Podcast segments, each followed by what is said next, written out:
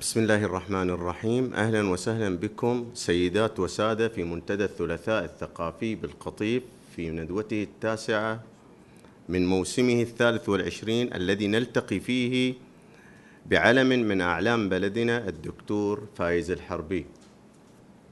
قبل البدء يشرفني بأن أرحب بضيف شرف ندوة هذه الليلة سعادة الأستاذ علي حج السلطان فاهلا وسهلا به.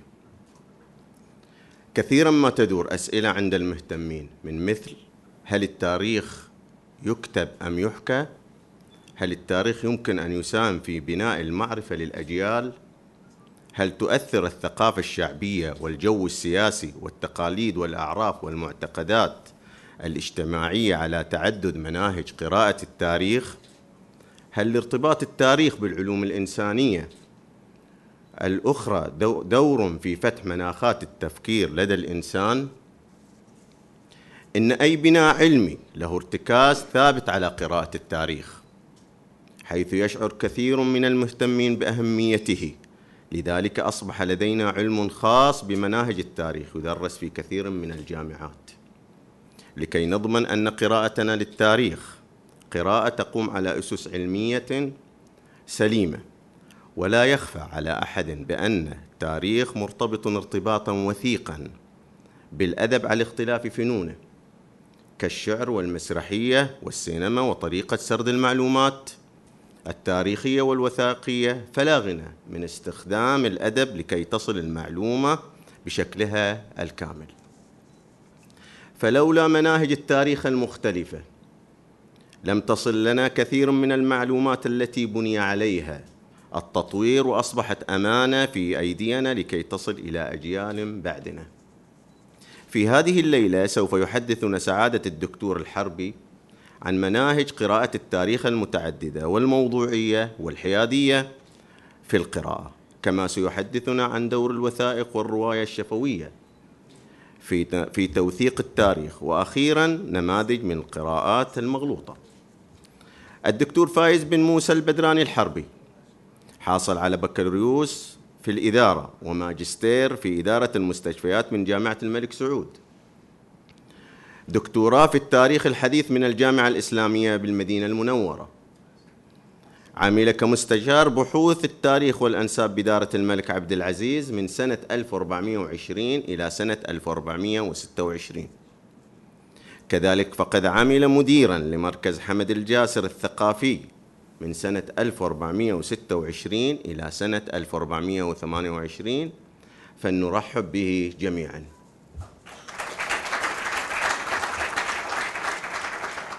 بسم الله الرحمن الرحيم. والحمد لله رب العالمين والصلاة والسلام على أشرف الأنبياء والمرسلين نبينا محمد وعلى آله وصحبه أجمعين. الحضور الكرام السلام عليكم ورحمة الله وبركاته. في الحقيقة أنا سعيد جدا هذا المساء آه، بوجودي بينكم. وأنا موجود بين علماء وفضلاء وأنا أقلهم شأنا. ولكن هي دردشة حول التاريخ وما أدراك ما التاريخ. فآمل أن أقدم ما يرتقي إلى تطلعاتكم. ولا أنسى في البداية أن أشكر القائمين على هذا المنتدى وعلى رأسهم أخي وصديقي الأستاذ جعفر الشايب على دعوته الكريمة وعلى ما وجدته من حسن استقبال وكرم ضيافة. والحقيقة أنا الكاسب في هذه الليلة. بمعرفة هذه الوجوه الطيبة وبكسب أصدقاء جدد. فبادئ ذي بدء. نعرف التاريخ. ما هو التاريخ؟ التاريخ هذا هو مشغل أنا كما ذكرت في المقدمة هو شاغل الناس شاغل السياسيين والقادة والمخططين وشاغل عامة الناس أيضا. ولعلي آه، أستعير بيت ابن الوردي. ابن الوردي يقول آه، نصف أهل الأرض أعداء لمن؟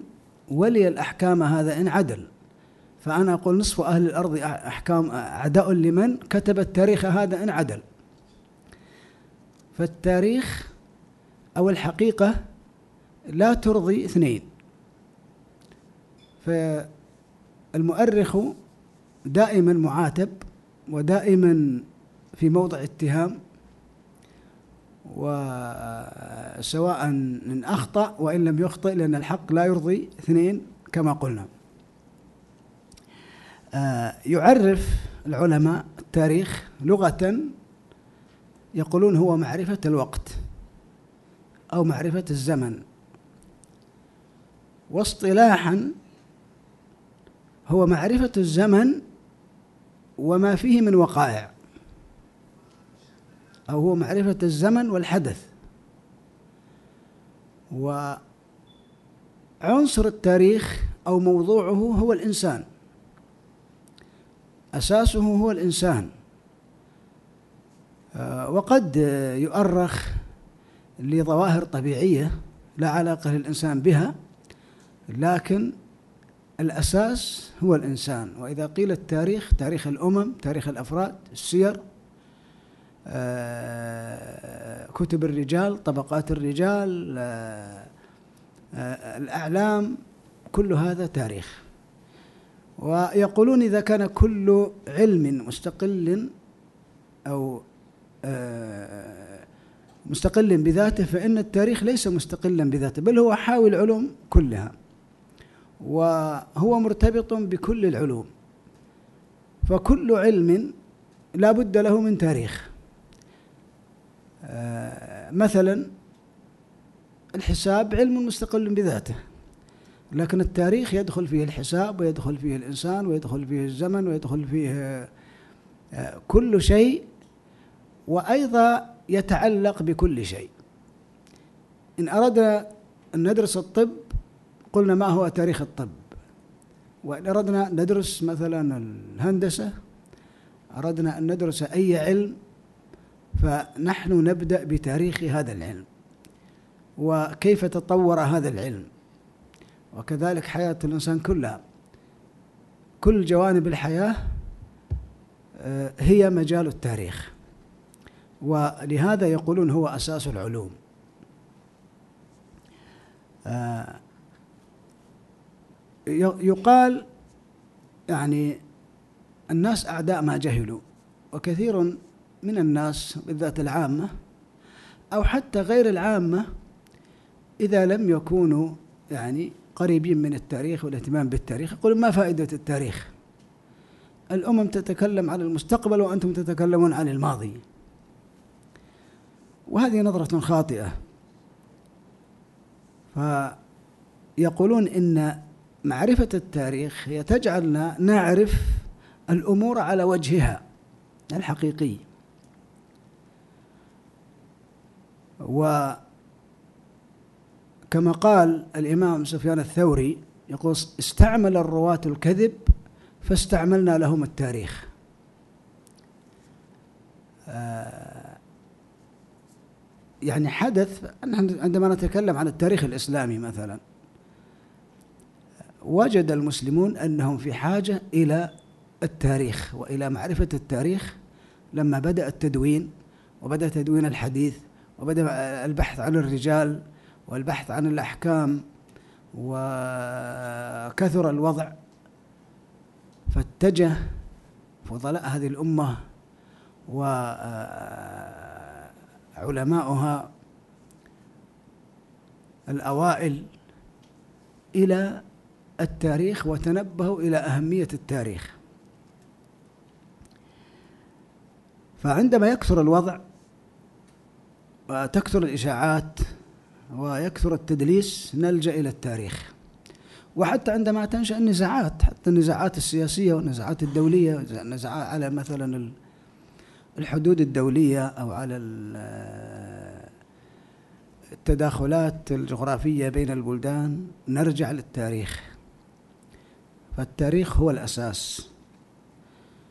و من القصص التي يذكرها المؤرخون أن اليهود في القرن الرابع أو عفوا الخامس سنة 447 تقدموا إلى الخليفة في بغداد القائم بالله آه، بوثيقة آه، تثبت أن النبي صلى الله عليه وسلم في غزوة خيبر أسقط عنهم الجزية.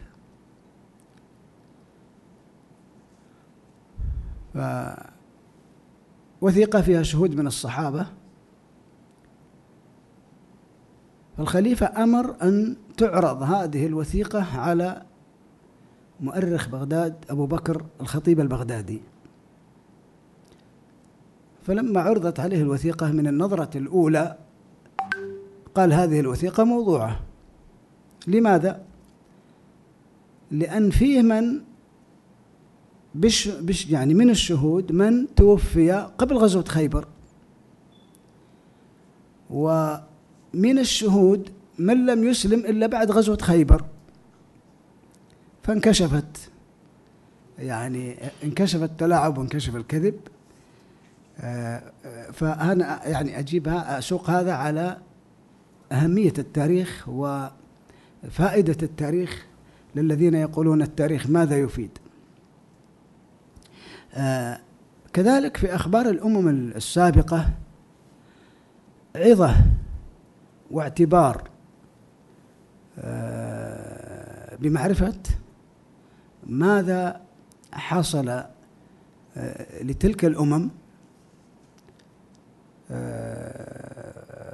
حتى القرآن الكريم لما نزل نزل بالقصص ونزل بالقص بالقول الحق قصص الأمم السابقة. ولما كان أهل الكتاب في المدينة وأكثرهم من اليهود وهم أهل كتاب وأهل علم وأهل جدل والعرب لم يكونوا اطلعوا على التاريخ فأرادوا أن يحاجوا الدعوة ويواجهوا الدعوة بكتبهم وقصصهم وبطولاتهم لكن القرآن كشف آه، رد عليهم ردودا يعني تدحض ادعاءاتهم. لما قالوا نؤمن بما أنزل إلينا قال آه، القرآن آه، وإذا قيل لهم آمنوا بما بالله وما أنزل قالوا نؤمن بما أنزل علينا. قل فلم تقتلون أنبياء الله من قبل؟ فنزلت مثل ثم نزلت القصص. لما أرادوا أن يتكلموا عن عيسى أو مثلا عن موسى عليه السلام أو عن داود القرآن قال الأخ يعني هذه الأخبار الحقيقية. جادلوا في إبراهيم وجادلوا في إسماعيل وإسحاق فالله جاء القرآن يقول أن أنكم تجادلون بشيء قبلكم. فأسقط في أيديهم. فجاء ثلث القرآن قصص وأخبار للأمم يعني الأمم السابقة. هذه الأخبار آه، إضافة إلى ما آه، توضحه من آه، حقائق شوهت عبر التاريخ هي أيضا فيها اعتبار. وفيها معرفة للدين وفيها معرفة لوحدانية الله سبحانه وتعالى ومعرفة لمصائر الأمم التي كفرت. آه، كذلك من فوائد التاريخ إبراز الأعمال الجليلة. أعمال الخير الأعمال الإنسانية الجليلة التي تخدم المجتمع تخدم الأمم. آه، السلوكيات الفاضلة. ومصائر أهلها. هذه يعني آه، ما في شك أنها آه، تعطي الإنسان أو تبرز الأعمال الخيرية ليبقى الخير في الأمم ولأيضا يحفز آه، المؤمنين ويحفز الأفراد على الاعتبار وعلى الصبر وعلى سلوك الطريق المستقيم. وهذا تنبه له حتى القدماء. حتى مؤرخ اليونان القدماء آه، يقول أحدهم من كبارهم يعني يقول آه، من فوائد التاريخ تخليد النابهين. وهذه فائدة كبيرة جدا آه، أن يخلد النابهون وأن تخلد الأعمال الجليلة وأن لا تذهب سدى. من يصنع الخير لا يعدم جوازيه ولا يذهب العرف بين الله والناس. آه الله سبحانه وتعالى جعل الليل والنهار. قال تعالى أعوذ بالله من الشيطان الرجيم. وجعلنا الليل والنهار آيتين. فمحونا آية الليل وجعلنا آية النهار مبصرة لتبتغوا آه، فضل من رب ولتعلموا عدد السنين والحساب. فهذا أيضا تاريخ. الأهلة يسألونك عن الأهلة قل هي مواقيت للناس والحج. آه الله سبحانه وتعالى آه سخر لنا الأهلة حتى تعرف المواقيت وتعرف العبادات وتعرف آه, أداء يعني وقت أداء الحقوق. فهذا كله لابد أن يدرس عندما نتكلم عن أهمية التاريخ. آه، تطور مصادر التاريخ عبر الزمن ما قبل الكتابة الإنسان يسمى ما قبل التاريخ. وهذا أيضا من ما يدل على مكانة التاريخ. فالإنسان قبل أن يتعلم الكتابة يسمى عصر ما قبل التاريخ. عندما تعلم الإنسان الكتابة دخل في عصر التاريخ ودخل التاريخ. لكن بدأت المصادر الأولى للتاريخ من الذاكرة ذاكرة الإنسان. ثم من النقوش يعني أقصد قبل التدوين يعني. ثم من الكتابة ما ظهرت الكتابة آه، بالقلم. لأن النقوش قد لا تكون يعني كتابة أحرف قد تكون أشكال. آه، ثم تطور الوسائل إلى التصوير. في العصور المتأخرة. ثم جاء التصوير والصوت. إذا تطورت مصادر التاريخ أو وسائل تدوين التاريخ ومصادره تطورا كبيرا وهائلا.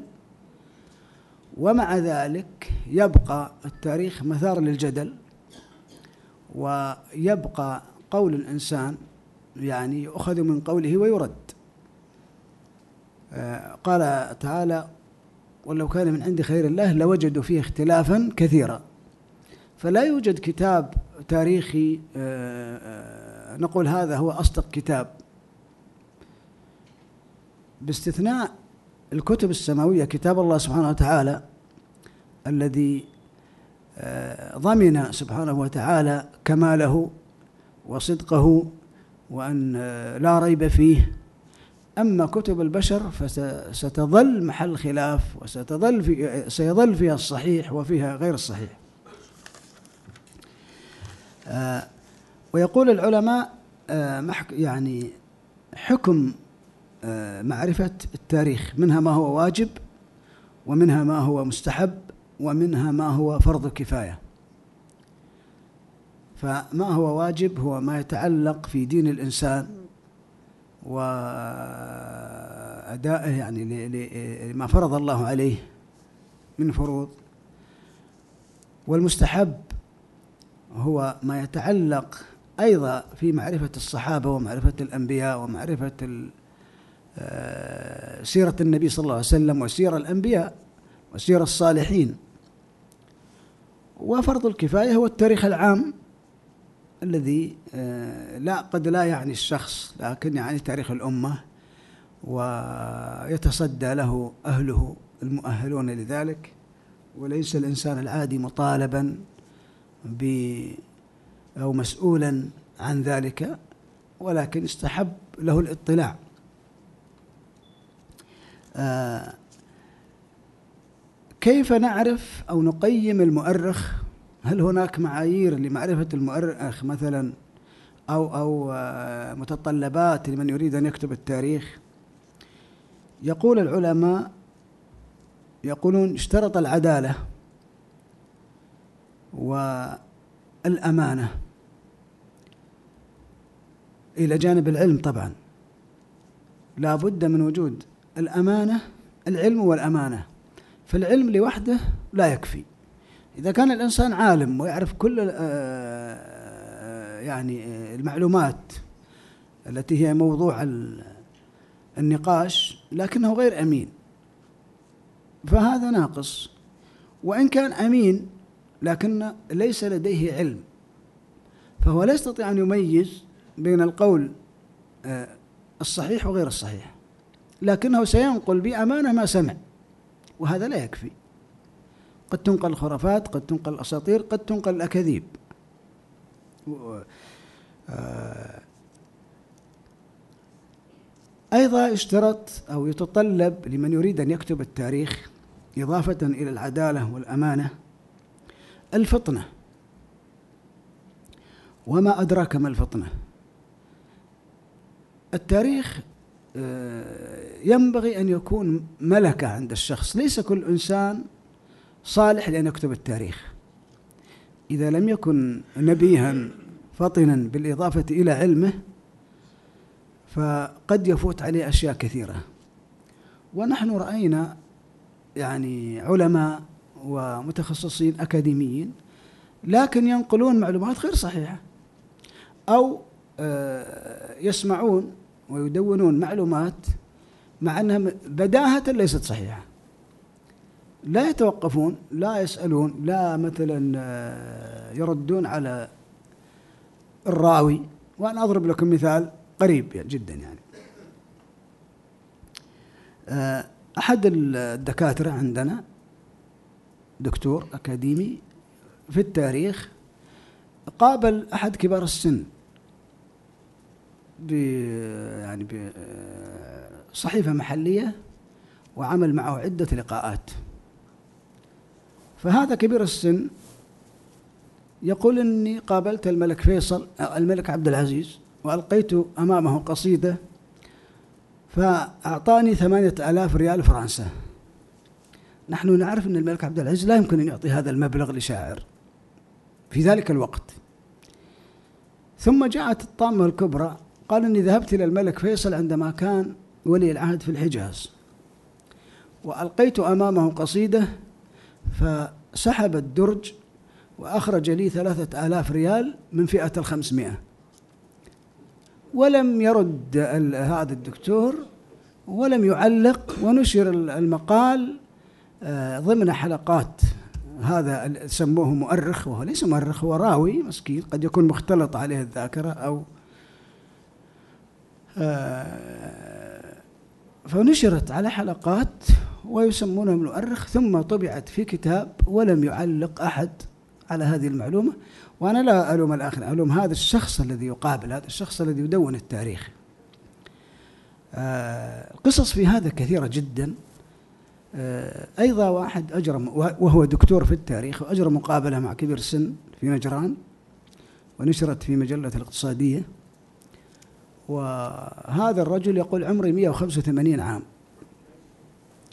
ومكتوب بالخط العريض راوي عمره 185 عام. يقول إن من ضمن قصص التي يرويها إن الملك عبد العزيز كلفني بنقل رسالة إلى محمد علي باشا. ونحن نعرف إن محمد علي باشا توفي قبل أن يولد الملك عبد العزيز بثلاثين سنة. اذا الفطنة هنا الفطنة التأهيل لا يكفي. إذا لم يكن عند الإنسان ملكة أنه يقول لا هذه المعلومة غير منطقية. آه، أضرب لكم أيضا مثال آخر لأن أتوقف عنده قليلا. قضية الأعمار مثلا. كثير من آه، كبار السن آه، يعني يخرجون في الصحف أو في الإذاعة أو في القنوات على أنه عمره 130 عمره 150 عمره 140 هذا الكلام غير صحيح مطلقا. ولكن الغريب أننا نصدق والإعلام يصدق والمتلقي يصدق. إذا عندنا مشكلة وعندنا خلل في المؤرخ وفي المتلقي. آه يعني أنا عندي نظرية وقد تعارضونني. لم يبلغ أحد في المملكة لم يتجاوز أحد في المملكة 110 سنوات. على الأقل من العهد النبوي. وكل ما يقال فوق ذلك غير صحيح. تقولون ولكن الصحابة منهم من عمر. أقول لكم تعالوا نناقش مسألة الصحابة. ابن منده عالم جليل, جليل توفي عفوا توفي عام 501 أظن. له كتاب من بلغ 120 عاما من الصحابة. تتبعت هذا الكتاب هؤلاء الصحابة لم يرد لم ترد هذه المعلومة في أي حديث صحيح إنما هي من وضع المؤرخين. والمؤرخين آه، يعني لا يلتزمون بقواعد أهل الحديث من ناحية السند ومن ناحية آه، التثبت من الراوي ومن التثبت أيضا من الخبر. لا يقول لك متى ولد لكن يقول ويقال ما أنه عمره 120 سنة ستون في الجاهلية وستون في الإسلام. هذه سهلة أنك تقول فلان عمره ستين يمكن خمسين. ف مي يعني آه، عشرين صحابي أو أقل بقليل كلهم يأخذون نفس هذه العبارة ستون في الجاهلية وستون في الإسلام. كذلك قالوا عن حس آه، عن سلمان الفارسي رضي الله عنه أنه عاش 350 سنة. وفي رواية 250 سنة. وكثير من المسلمين يصدق هذه. هذه غير صحيحة.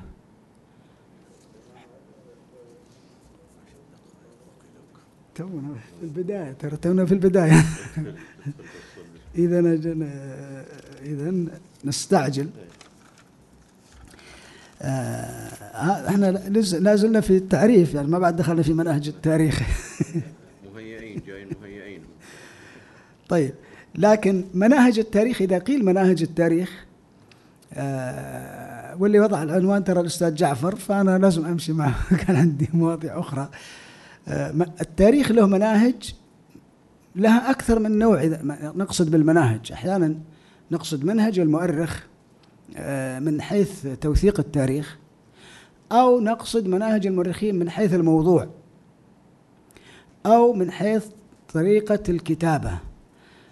فيقولون إذا أخذنا من التسلسل يعني من ناحية التسلسل التاريخي فهناك المنهج الروائي. آه، التاريخ الإسلامي أنا أتكلم عن التاريخ الإسلامي الآن.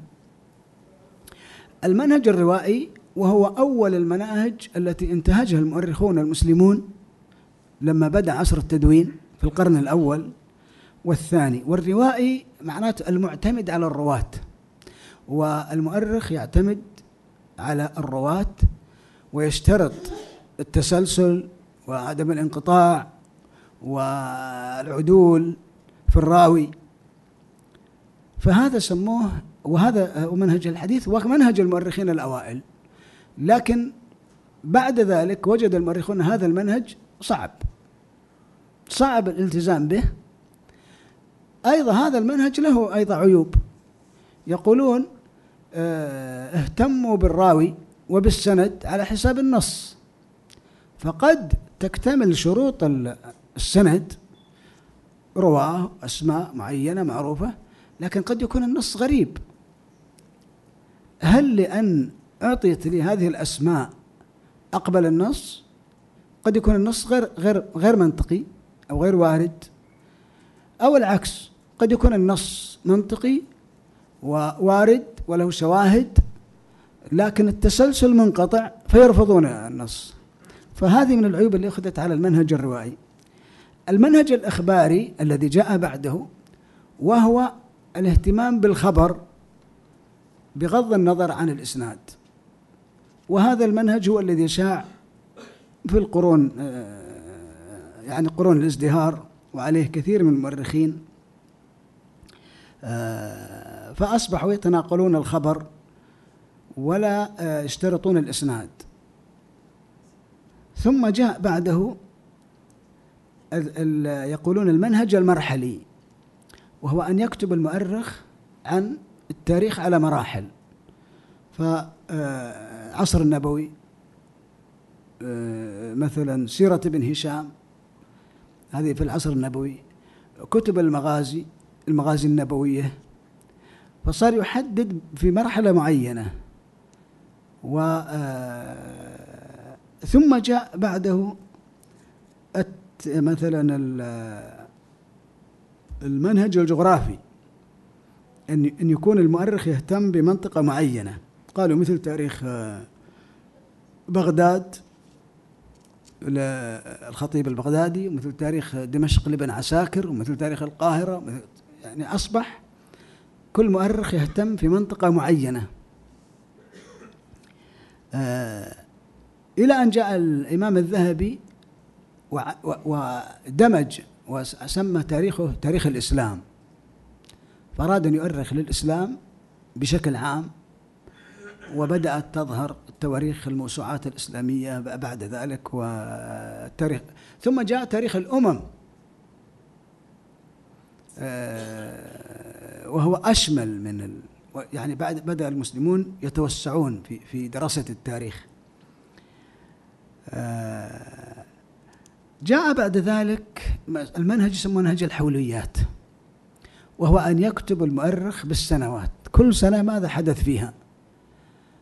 من الأخبار السياسية أو الكوارث الطبيعية أو الوفيات أو آه، التقلبات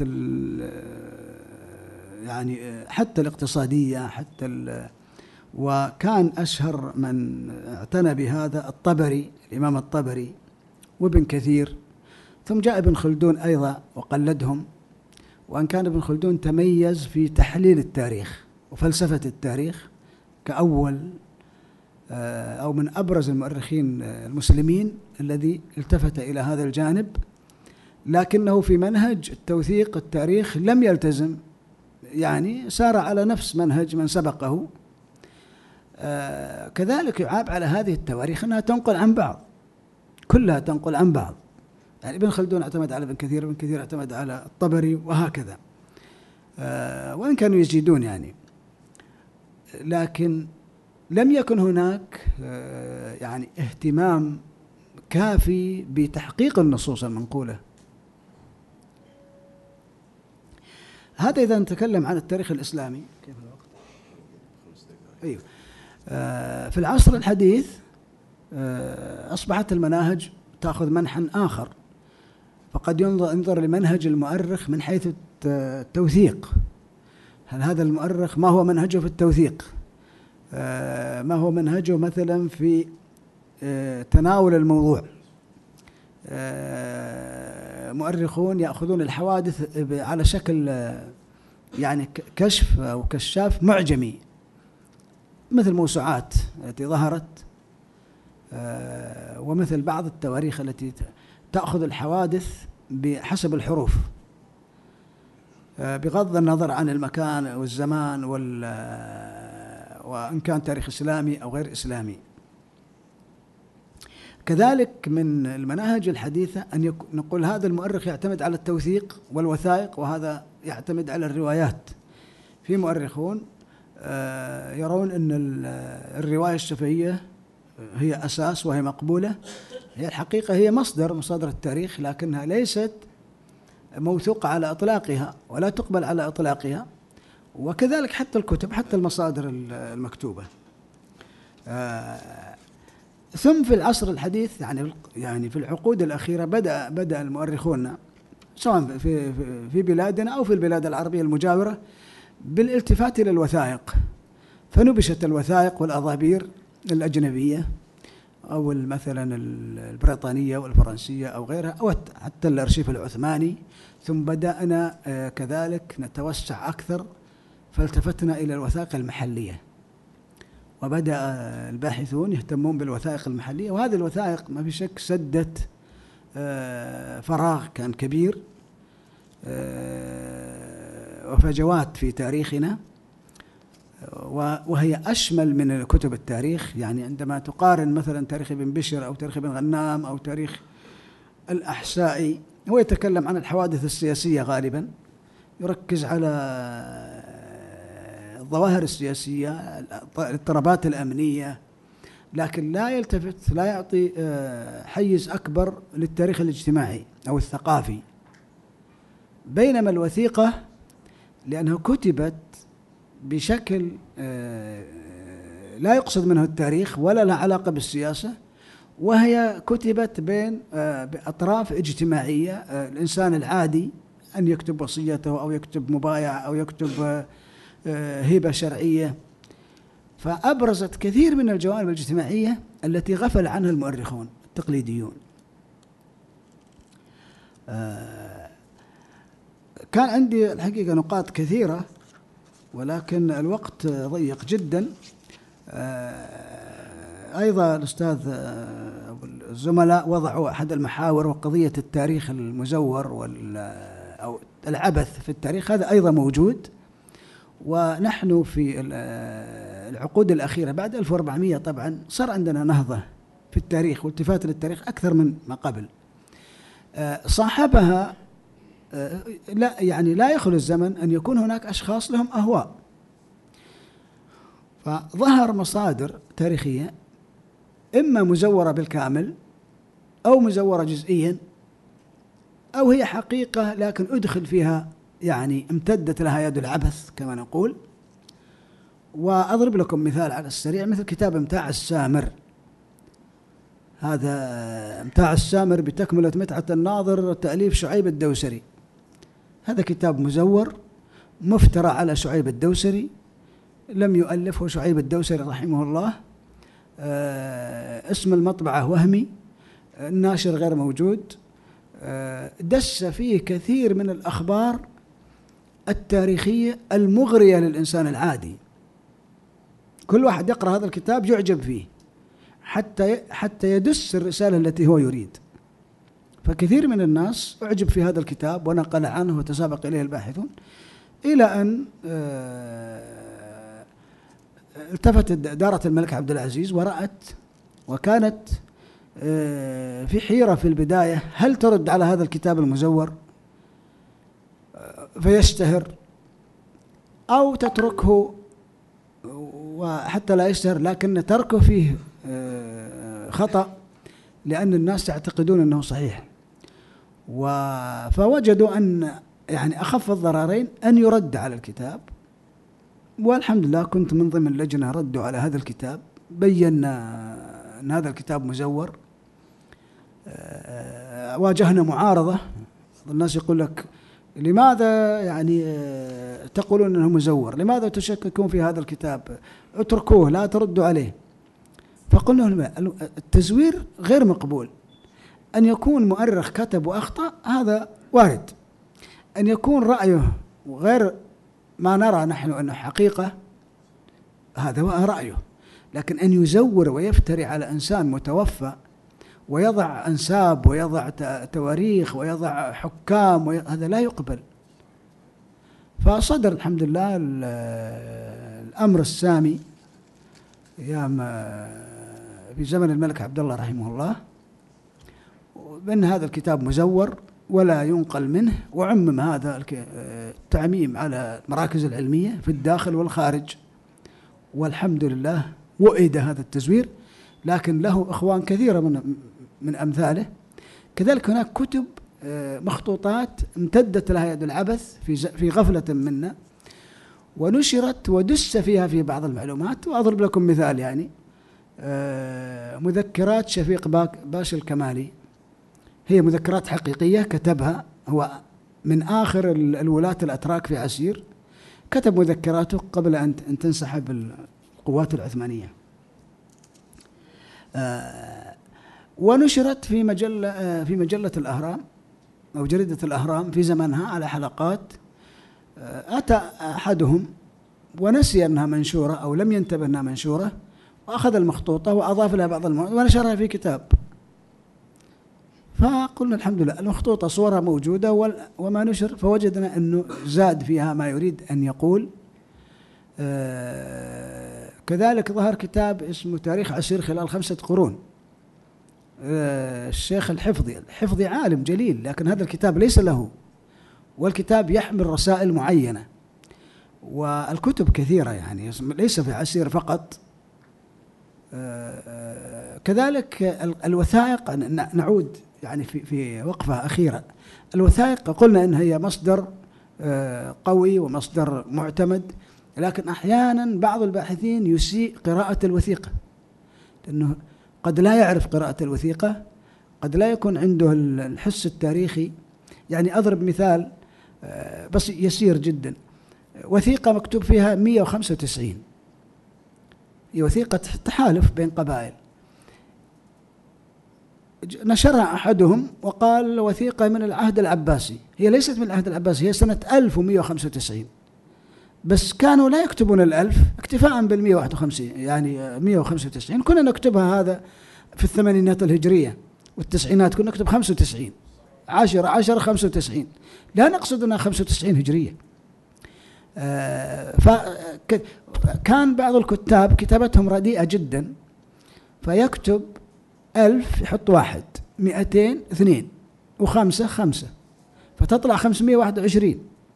فجاء واحد وجاب آه، اكتشاف وسوى كتاب وقال وثيقة تعود إلى كذا كذا كذا. فرددنا عليه في الصحف. والحقيقة الوقت قصير. أنا كان ودي أني أستطرد في بعض الأشياء. فاسمحوا لي إن قصرت في المعلومات. السلام عليكم ورحمة الله وبركاته. شكرا شكرا لكم. الآن أولى مداخلاتنا مع الأستاذ السيد عدنان العوامي. السلام عليكم ورحمة الله. حقيقة الدكتور أمتعنا و بهالأوراق أو المحاضرة الجميلة.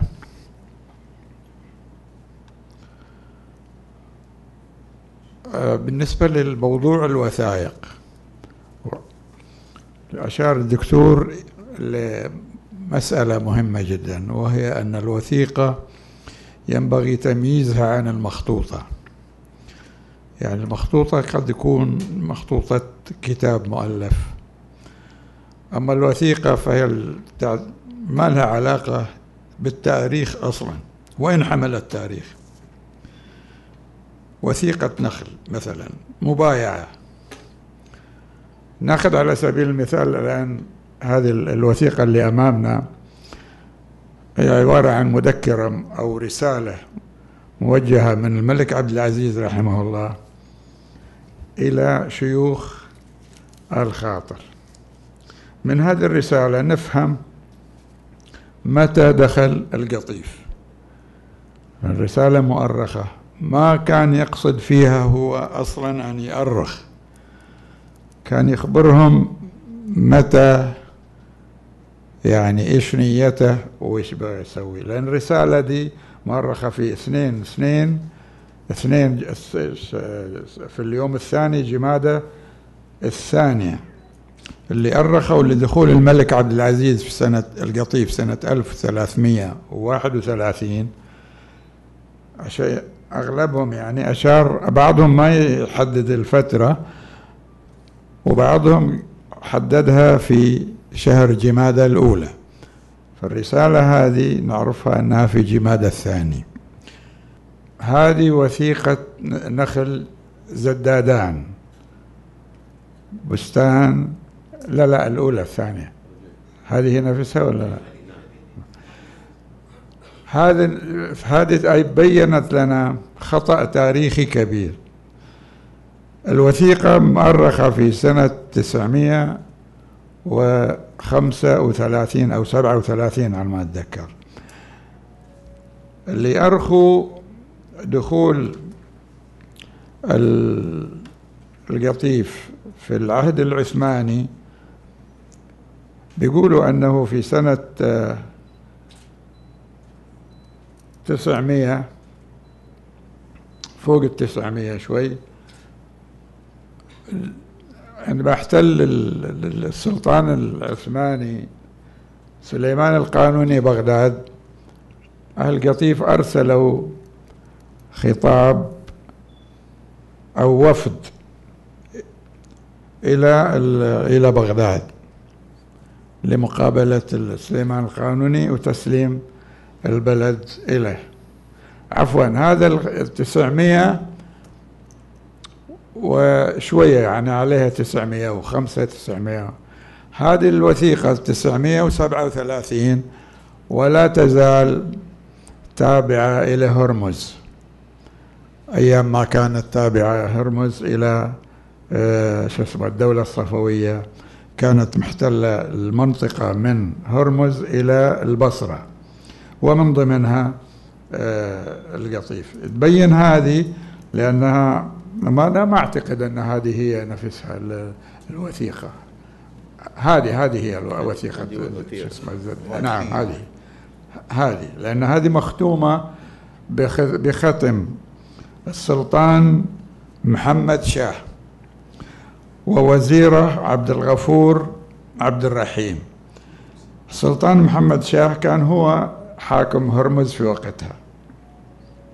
هذه هذه هذه من اللي نستفيدها من التاريخ. شوف غيرها الآن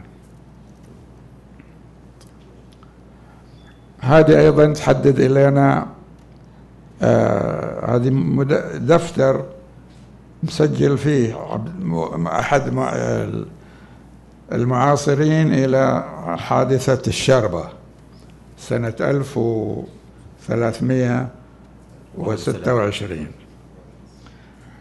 في سنة 1320 حصلت حادثة كبيرة شهيرة في القطيف حصرت فيها القلعة لمدة أيام أو أشهر. بعضهم ودها إلى سنوات وهي الحقيقة حوالي ستة شهور. صحت فيها قتلى فهذه يحدد فيها أسماء أشخاص معينة. وين قتلوا؟ متى قتلوا؟ وكان معاصر هو إلى شو اسمه هذه في دفتر غير خلصنا منها. لو تسرى سيدنا سنة ستة ستمائة ما هو مختلف هو في التاريخ لكن الأشخاص الأسماء ما هم مجهولين. أولا اللي كتبوا عن عن حادثة الشربة حصروها في الدبيبية فقط. بينما هذا السجل يبين فيه أسماء القتلى في العوامية في القديح في سيهات حتى أشير إلى أن ذكر أسماء نساء. يعني بعض النساء قتلوا في سيهات من التاريخ من الخطأ اللي أشار له الدكتور ونبه له. أنا أتذكر يعني أحد الكتاب كان كاتب عن الإمام علي عليه السلام فكان يعني يقع عليه اللوم في أنه خرج من المدينة. فكان يقول لو كان يعني بقي في المدينة وأقام في المدينة لما قتل. فهذا قبل كم كم قتل في المدينة من الخلفاء قبل الإمام علي؟ هذا عدم الانتباه يعني. هذه انت انتهينا الآن من عرض الصور ولا في امامكم غير؟ بس بالوثائق لأنه حتى ناخذ مداخلات. طيب في في وثيقة أخرى.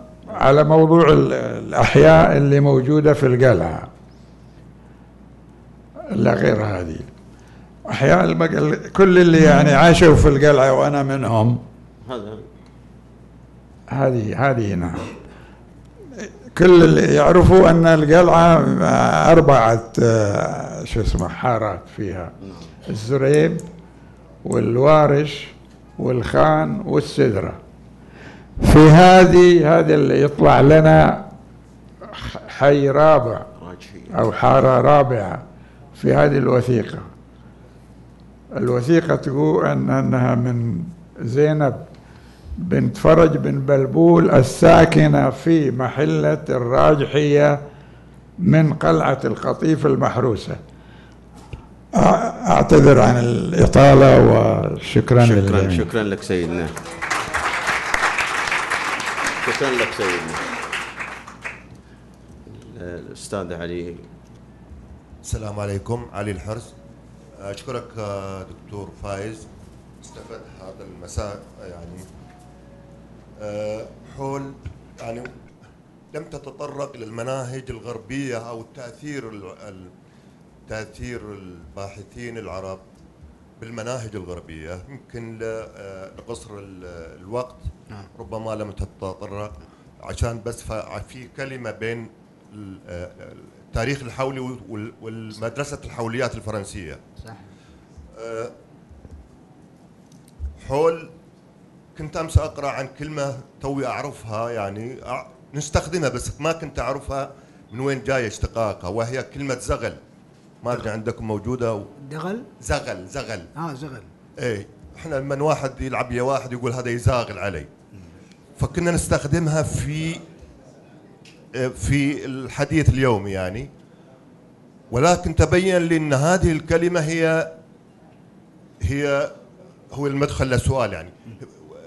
تبين لي إن الكلمة هي تستخدم لما يكون آه، ال- الدرهم غير شرعي. أو الدينار غير شرعي معناته زغل يعني غير شرعي. هذه معنات كلمة زغل ونستخدمها في عاميتنا ما أدري موجودة في شكرا الرياض أو شكرا في- أستاذ علي. بس بعد بس بل- بر- بعد هو السؤال. أيوه. السؤال إحنا في العالم العربي الآن ابتلينا بباحثين من حقهم أنه يحبوا كل واحد بلده ولكن ال- المصري يقول الحضارة اسم مصر. في مصر. والعراقي يقول الحضارة ال- آه، اس الحضارة في العراق. والسوريين كذلك يذهبون هذا الرأي. ودخلوا على الخط الآن آه، آه، الباحثين اليم- اليمنيين. أستاذ لو تسأل سؤالك حتى هذا السؤال إنه كلمة زغل هي إن الباحثين العرب هم مزاغلين بسبب يمشوا بضاعتهم على من لا يفهم ما هو يعني تاريخ. شكرا أستاذ علي. عندنا بس من عندك- السيدات لا أتعلق بعد بالأخير. ثلاث- إيه، بعد ثلاث مداخلات. أعطيني بس الأخت الآن. عرفي بالاسم لو سمحتي. دكتورة روعة صالح من المدينة الاسم لو سمحت وارفعي صوتك. دكتورة روعة صالح من المدينة المنورة. بسم الله الرحمن الرحيم. الحمد لله رب العالمين والصلاة والسلام على سيدنا محمد وعلى آله وصحبه أجمعين. أهني الجميع في هذا المكان المبارك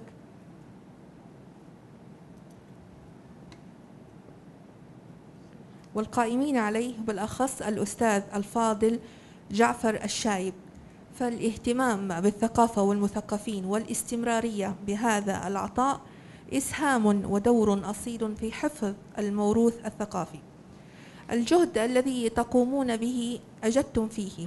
فمنتدى الثل- الثلاثاء الثقافي يعد إرثا وطنيا يستحق الحفاظ عليه واستمراره لأنه يجمع خليطا جميلا متنوعا من ال- النخب في كافة المجالات.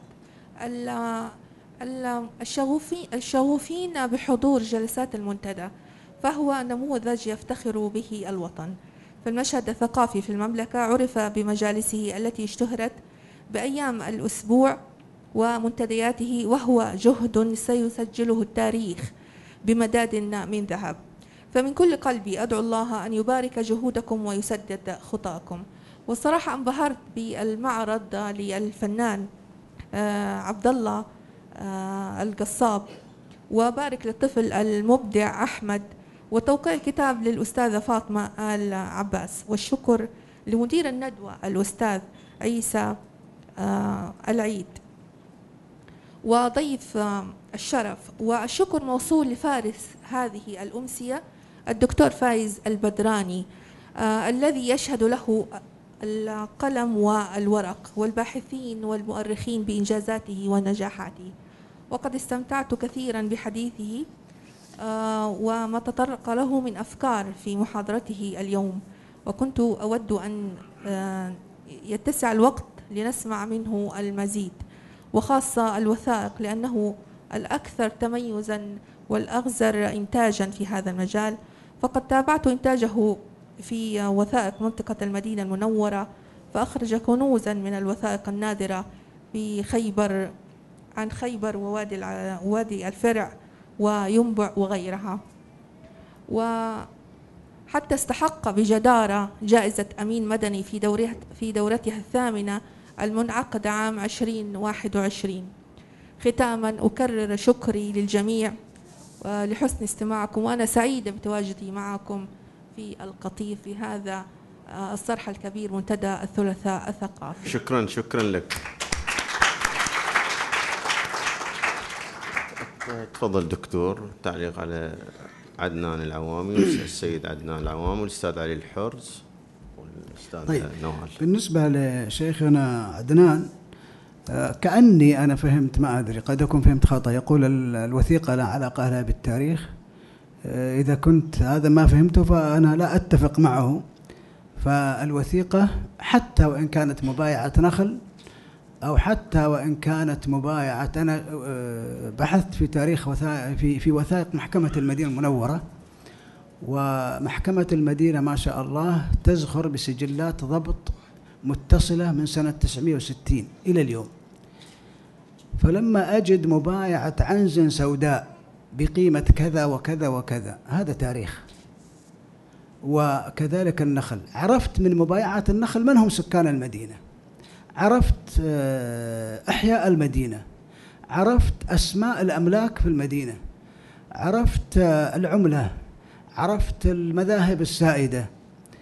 وكذلك بخيبر. رسالتي الدكتوراه عن خيبر وهي مبنية على الوثائق المحلية. فالوثيقة هي جزء أساسي آه، إذا استخدمت استخداما صحيحا من التاريخ. آه، بالنسبة للأستاذ علي إحنا عندنا كلمة بالعربية الدغل بالدال. وقد أحيانا الكلمة آه، قد يستبدل حرف بدل حرف. يعني نعم إحنا مثلا نقول جواز ونقول زواج. وفلان ولا معزوم على آه، زواج فلان وجواز فلان. ففي تقديم وتأخير. لكن ابن الوردي يقول قد يسود المرء من غير أب وبحسن السبك قد ينقد دغل. لا تقل أصلي وفصلي إنما أصل الفتى ما قد حصل. قصيدة لامية العرب. آه، اعتزل ذكر الأغاني والغزل وقل الفصل وجانب من هزل ودع الذكر لأيام الصبا إنما عاد الصبا نجم أفل. قصيدة جميلة جدا لكن فيها كلمة الدغل وكلمة الدغل كلمة عربية. الشيء ال- ال- المدغول الشيء المغشوش الشيء الغير صريح. فالكلمة واحدة نعم. أستاذ نوال. أستاذة نوال كان سؤالها؟ شيء شكر وتقدير تقصد روعة إيه، بس. أستاذ نوال نيابة عن الدكتورة روعة أشكرك أشكرك أول على. حضورك من المدينة. أي نيابة عن الهيئتين الاستشارية والتنفيذية. بمنتدى الثلاثاء أتقدم لك بجزيل الشكر. وأنت في مكانك ومحلك. نشكرك كثير لحضورك وتفاعلك. ال- الآن عندي مداخلة بس ال- الأستاذ جلال هارون أولا. معلومات عامة ما فيها كثير من آه، أمور يعني فيها جدل أو آه، نقاط تحتاج مناقشة ولكن أنا عندي تعليق على إحدى الوثائق اللي عرضت. الكثير من ال- ال- الوثيقة كان مكتوب عليها نخل مغتصب أو آه، فطبعا آه، أنا عندي اطلاع على على وثائق كثيرة لنفس الموضوع هذا. ال- المؤرخ يجب أن آه، لا يحكم على الوثيقة آه، بالاطلاع على على مصدر واحد. الوثائق اللي عرضت هذه كان في خلاف بين آه، طرفين آه، أنا اطلعت مؤخرا على آه، الطرف الآخر وكان يرفع وجهة نظره في الخلاف كأنها قضية يعني قضية صحيح. بين طرفين وكل واحد يدافع عن وجهة نظره فبتغير كثير لو نظرنا لل فيفضل يعني الأفضل ال- الباحث إنه ما يحكم على الوثائق أو يطلق الأحكام دون أن يرى الطرفين. آه، هذه بس أما ال- آه، الدكتور جزاك الله خير. فكانت آه، يعني معلومات مفيدة لنا كباحثين. هو شكرا. شكرا شكرا كثير من المداخلات بس الأخ هنا. بس عدم التطوير حتى ناخذ أكثر من ال... مساء الإبداع مساء؟ النجاح مساء التميز. أحمد السعدي من جامعة شقراء. أتينا حقيقة بدعوة كريمة من الجميل والرائع الأستاذ جعفر الشايب حقيقة على جهده الجميل والرائع والمبدع حقيقة في هذا المنتدى وشهادتنا فيه مجروحه صداقتنا القديمة معه حقيقة انبهرنا بما وجدنا سواء من المعرض الجميل الرائع أو من ال- الكاتب وتشجيعهم أو تشجيع ال- الأبناء المحافظة في شيء جميل آه، وانبهرنا حقيقة وجود الجميل والرائع الأستاذ والمؤرخ فايز البدراني. السؤال الاستاذ فايز حقيقة أو الدكتور فايز بشقين. آه، هل التاريخ يستحق أن نعيد كتابته من جديد؟ لأن دائما هذه المقولة بكثرة دائما تتردد. ظهر في الأيام هذه آه، علم الأنثروبولوجيا هو علم الإنسان ومثل فاضل الربيعي وخزعل الماجدي وغيره يتحدثون حتى تجد أنها في نسف لكل التاريخ الموجود. يعني حتى شقيقات قريش اللي فاضل الربيعي إذا قرأتها كاملة أو قرأت مثلا آه، شو اسمها النبي والرسالة وكذا. نسف حتى الرسالات النبوية نسف الأشياء كثيرة جدا في التاريخ لدرجة أنه وضع أن قريش ليست موقعها في مكة بل في اليمن. وجد أن حتى الهجرة لم تكن إلا في اليمن. في أشياء عجيبة. فما هو دورك كمؤرخ في هذه الناحية؟ وشكرا شكرا. لكم. الأخ صالح وراه إن شاء الله بيجي أعطي الأخ صالح. أستاذ صالح. إن شاء الله. السلام عليكم. الله يعطيك العافية دكتور. معك صالح العمير. دكتور في الحقيقة أنت تطرقت إلى عمر عمر الخليفة اللي هو عمر ال- ال- الصحابي سلمان الفارسي نعم. رضوان الله عليه. ف قلت إن عمره يعني مبين من كلامك أنت ما وضحت شيء بس مبين من كلامك إنه هو أصغر مما ذكر بكثير. نعم. فما أدري إيش المصلحة اللي اللي بيزور عمر الصحابي. وإحنا يعني نعرف إن تاريخ ده أبو أبو الكبائر تاريخ تاريخنا يعني. فشكرا لك يا دكتور. شكرا. أعطي الأخ ال- هنا رجع أخذ بس مداخله رابعه طيب. ونمشي. تفضل. السلام عليكم. الاسم لو سمحت. خالد الشويش الخالدي. الله يحفظك. دكتور آه، قلت إن ما اهتمينا في التاريخ في المملكة إلا من عام 1400 هذا شيء يؤسف له. منذ انطلاقة البث التلفزيوني في الخليج 65 عبد الله السالم الشيخ عبد الله السالم وصباح السالم كلف سيف سيف الشملان في التلفزيون الكويتي بتوثيق التاريخ الشفهي للكويت في تلك الفترة 65 استضاف جميع آه، كبار الأسر ح- حاضرة وبادية. وثقوها الآن وحنا نستمتع فيها في, في اليوتيوب إلى الآن. أيضا حكومة البحرين كلفت مبارك العماري في تلك الفترة عام 65 بالتوثيق التاريخ الشفهي للبحرين. والآن أيضا نستمتع. عبد الله الغالي كذلك في الكويت في قطر.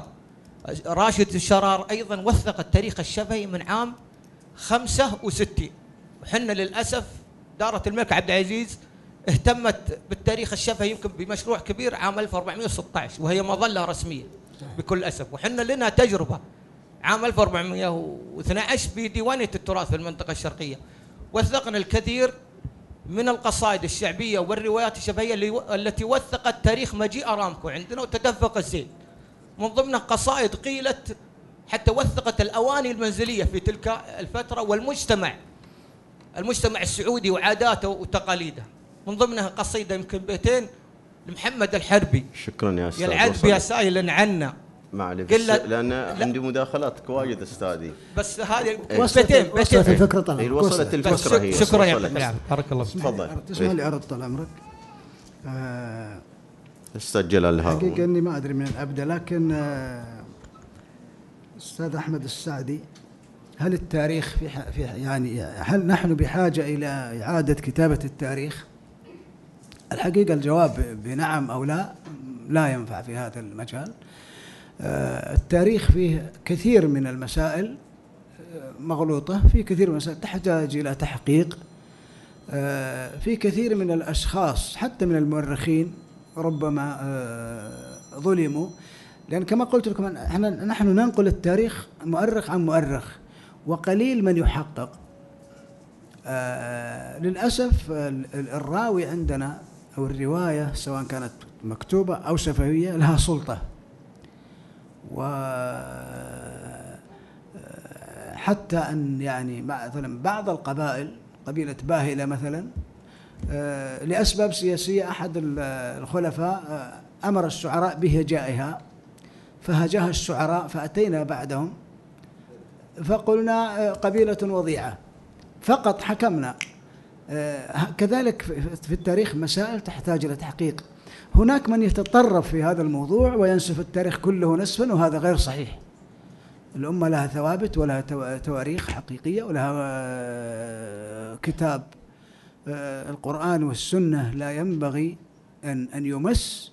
أما قول البشر فكل يؤخذ من قوله ويرد. ولكن أيضا بحدود وأن يقوم من يعيد كتابة التاريخ أن يكون مؤهلا بالعلم والأمانة التي ذكرناها قبل قليل وأن يكون ليس له أهداف ولا موجه إنما يكتب للحقيقة. وهذه نرجو أن نصل هذه المرحلة. أنا أقول لنا لم نصل هذه المرحلة للأسف آه، يعني نحتاج حتى نصل لهذه المرحلة آه، نحتاج إلى أن يكون عندنا علم تاريخي ومؤرخون مؤهلون لهذا العمل. آه، بالنسبة للأستاذ سلمان عفوا صالح. تكلمت عن سلمان الفارسي. آه، سلمان الفارسي رضي الله عنه عمره 78 سنة. أحد. أحد أحد الرواة قال عمره 350 فنقلوها. كما قلت لك أن التاريخ نقل عندنا. ومن قالها؟ هو يعني أحد الرواة يقال له البحراني. قال إنه عاش يقال إنه عاش 350 سنة ولكن الأكيد 250 ونقلوها عنه. فالذهبي نقلها و في كتابه ثم رجع وقال ثبت لي أن عمره 78 سنة. الدليل أنه أنه ليس 250 ولا 200 أنه متى توفي؟ توفي سنة 33 أو 32 هجرية. فكيف يكون عمره 350 آخر الصحابة توفي قبل القرن قبل نهاية القرن الأول 93 فلذلك يجب أن نتخلص من يعني سلطة الرواية وأن نصدق كل ما نسمع. أنا لي كتاب عن المعمرين تناولت في هذه المسائل يعني آه، خرافات ابن الكلبي التي آه، قال وفلان عمر 500 سنة ويتكلم عن آه، طيب بن أدد عمر 3000 سنة هذا مو صحيح. فنحتاج أن نكون منطقيين وواقعيين وأخي اللي تكلم عن التاريخ الأوروبي. أوروبا كانت في سبات ولما انحط المسلمون نهضت أوروبا على على ضوء يعني العلوم الإسلامية وعلى مؤرخ الإسلام المسلمين الذين كانوا في الأندلس. ثم نهضت والتفتت إلى التاريخ ووجدوا أن من أسباب التخلف هو سوء كتابة التاريخ. كان التاريخ عندهم يدور حول الكنيسة وحول رجال الدين وفي خرافات كثيرة وكانوا يدورون في في في عصور مظلمة. فلما انتبهوا وبدأوا يكتبون التاريخ الصحيح آه، أحد المؤرخين اسمه فالا آه، هذا آه، اهتم بالوثائق. وجد أنه في وثائق كثيرة بالكنيسة لكن لم يدرسها أحد على مر القرون المظلمة عندهم. فوجد أنه في رسالة يعني في رسالة من قسطنطين تحكي أو أو هي فيها وقف لأراضي الكنيسة في روما لرجال الدين. وجد أن هذه الوثيقة مزورة. فأعلن أن هذه أنها كذبة كبرى ولم توهب من آه، قسطنطين ولا من الرسول اللي قبله ولا كذا من عيسى عليه السلام. فنهضت أوروبا علميا لما لما أيضا نقحت التاريخ وبدأت تكتب التاريخ بطرق علمية وبدأت تنبش على الوثائق. ولذلك الوثائق في أوروبا مهمة جدا. الوثائق ليس لها سرية عندهم. بعد ثلاثين سنة تتاح كل الوثائق للباحثين. نحن عندنا لا تتاح الوثائق. لا نزال خلف أوروبا بسنين طويلة. خالد الخالدي. آه، أنا ما قلت إن أن ما نهضنا إلا بعد 1400 أو أكثر من قلت قلت إنه كان في طفرة علمية بعد 1400 آه، بدأت يعني الكتابات والقبلية والأشياء هذه وكتب التاريخ والأنساب تظهر ولا في كتب عندنا تاريخ؟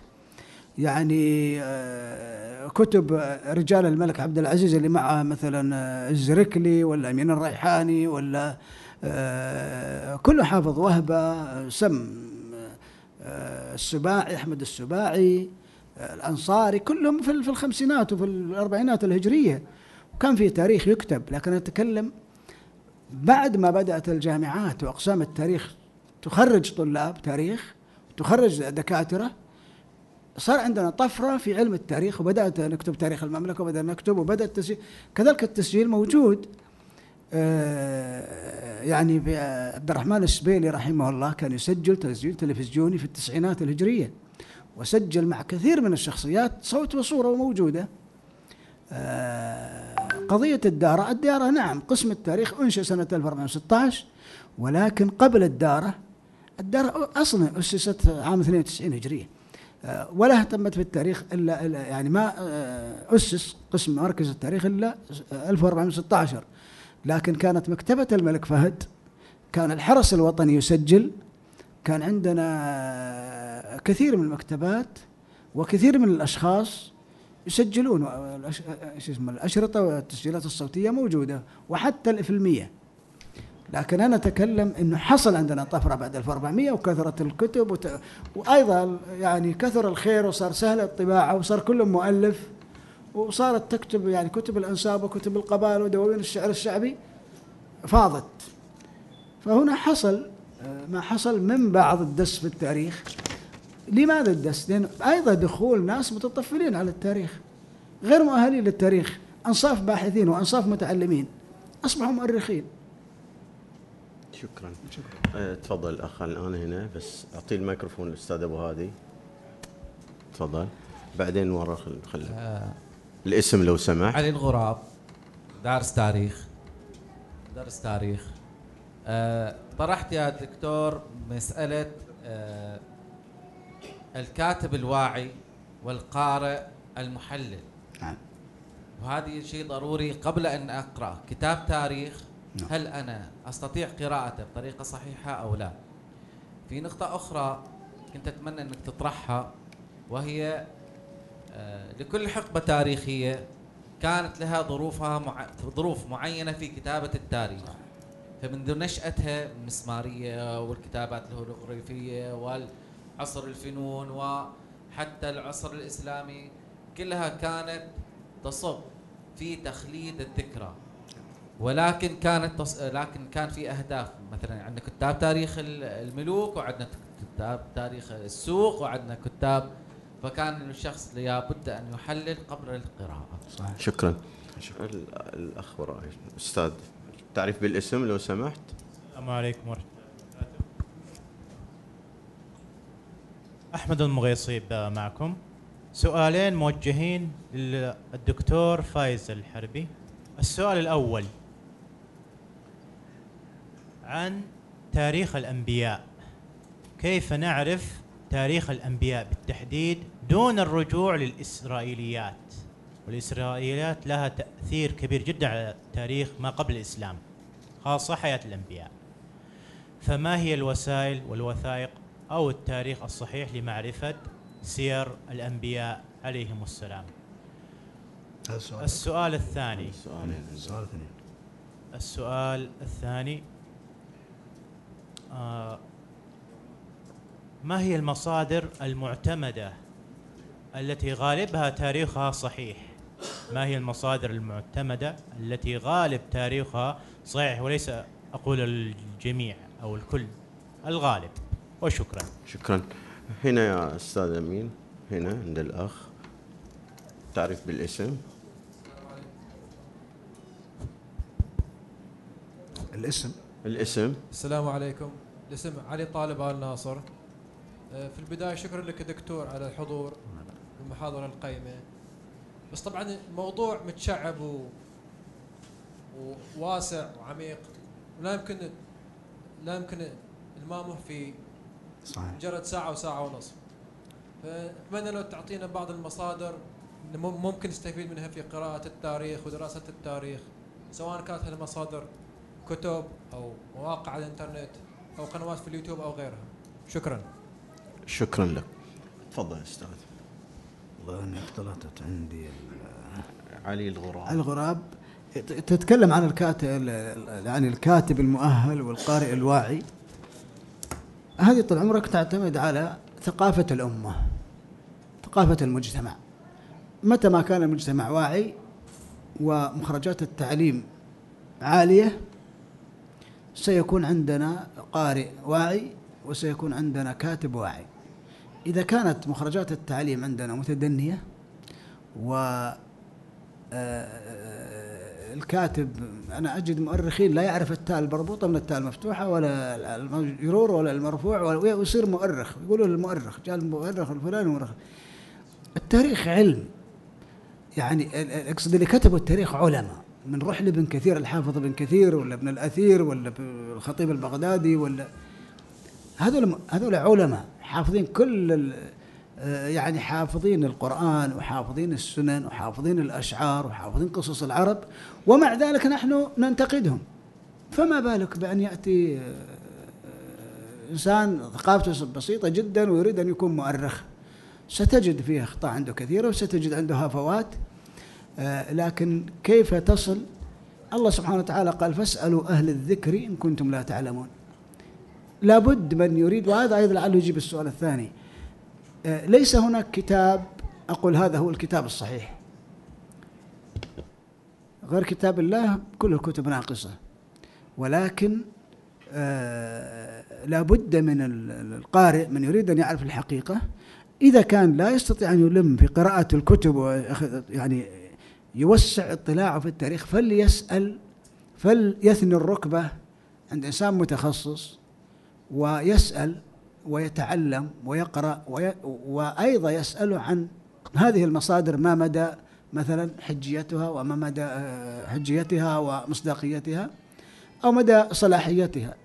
لكن ال- والعلم ليس في كتاب واحد. لابد أن تلم في موضوع واحد تقرأ كذا من الكتب. آه، لكن ال- ال- التاريخ فيه فيه صح وفيه خطأ و- ولا وليس هناك كتاب يعني مستقل و- أو أو يعني ينصح أنه هذا الكتاب دائما يسألوني ما هو أحسن كتاب؟ ليس هناك أحسن كتاب. في كتب رسائل علمية جيدة وفي رسائل علمية ضعيفة وفي موسوعات يعني قامت عليها مؤسسات علمية هذه جيدة. مثل موسوعة الأمير سلطان مثل موسوعات يعني أو حتى موسوعة جغرافية أو موسوعة تاريخية. آه، كتابات الشيخ حمد الجاسر مثلا في مجلدات مجلة العرب من ال- الكتب اللي فيها علم واستقطب أيضا علماء كتبوا في مجلة العرب على مدى خمسين عام. وكذلك غير مجلة العرب كل المجلات العلمية المحكمة الرصينة غالبا تكون كتاباتها رصينة ولكن لا نزكي على الله أحدا. آه، أحمد المغيصي أي عن تاريخ الأنبياء. أولا تاريخ الأنبياء آه، القرآن الكريم قص علينا قصص الأنبياء والمفسرون وعلماء الإسلام الذين اعتنوا بدراسة القرآن وعلوم القرآن أيضا فصلوا آه، في هذا الموضوع آه، فيما لا مزيد عليه. يعني لا يحتاج أن تذهب إلى الكتب الإسرائيليات. وأخبار الأنبياء م- موجودة في كتب كتب رصينة وكتب وكذلك في الجامعات وفي الأقسام التاريخ التاريخ الإسلامي. موجود مراجع سهل جدا يعني الوصول لها ولا يلتبس الموضوع. نعم. علي علي طالب ولا؟ إيه. آه، علي طالب آه، المصادر كيف نستفيد من المصادر؟ السؤال ما هي المصادر؟ عفوا أعد السؤال؟ ما هي المصادر يستفاد منها في قراءة التاريخ؟ آه، السؤال هو طبعا دراسة التاريخ دراسة عميقة و... ومو- وواسعة. فمثلا بدرس حدث تاريخي معين صار في السنة الفلانية أو أي حدث.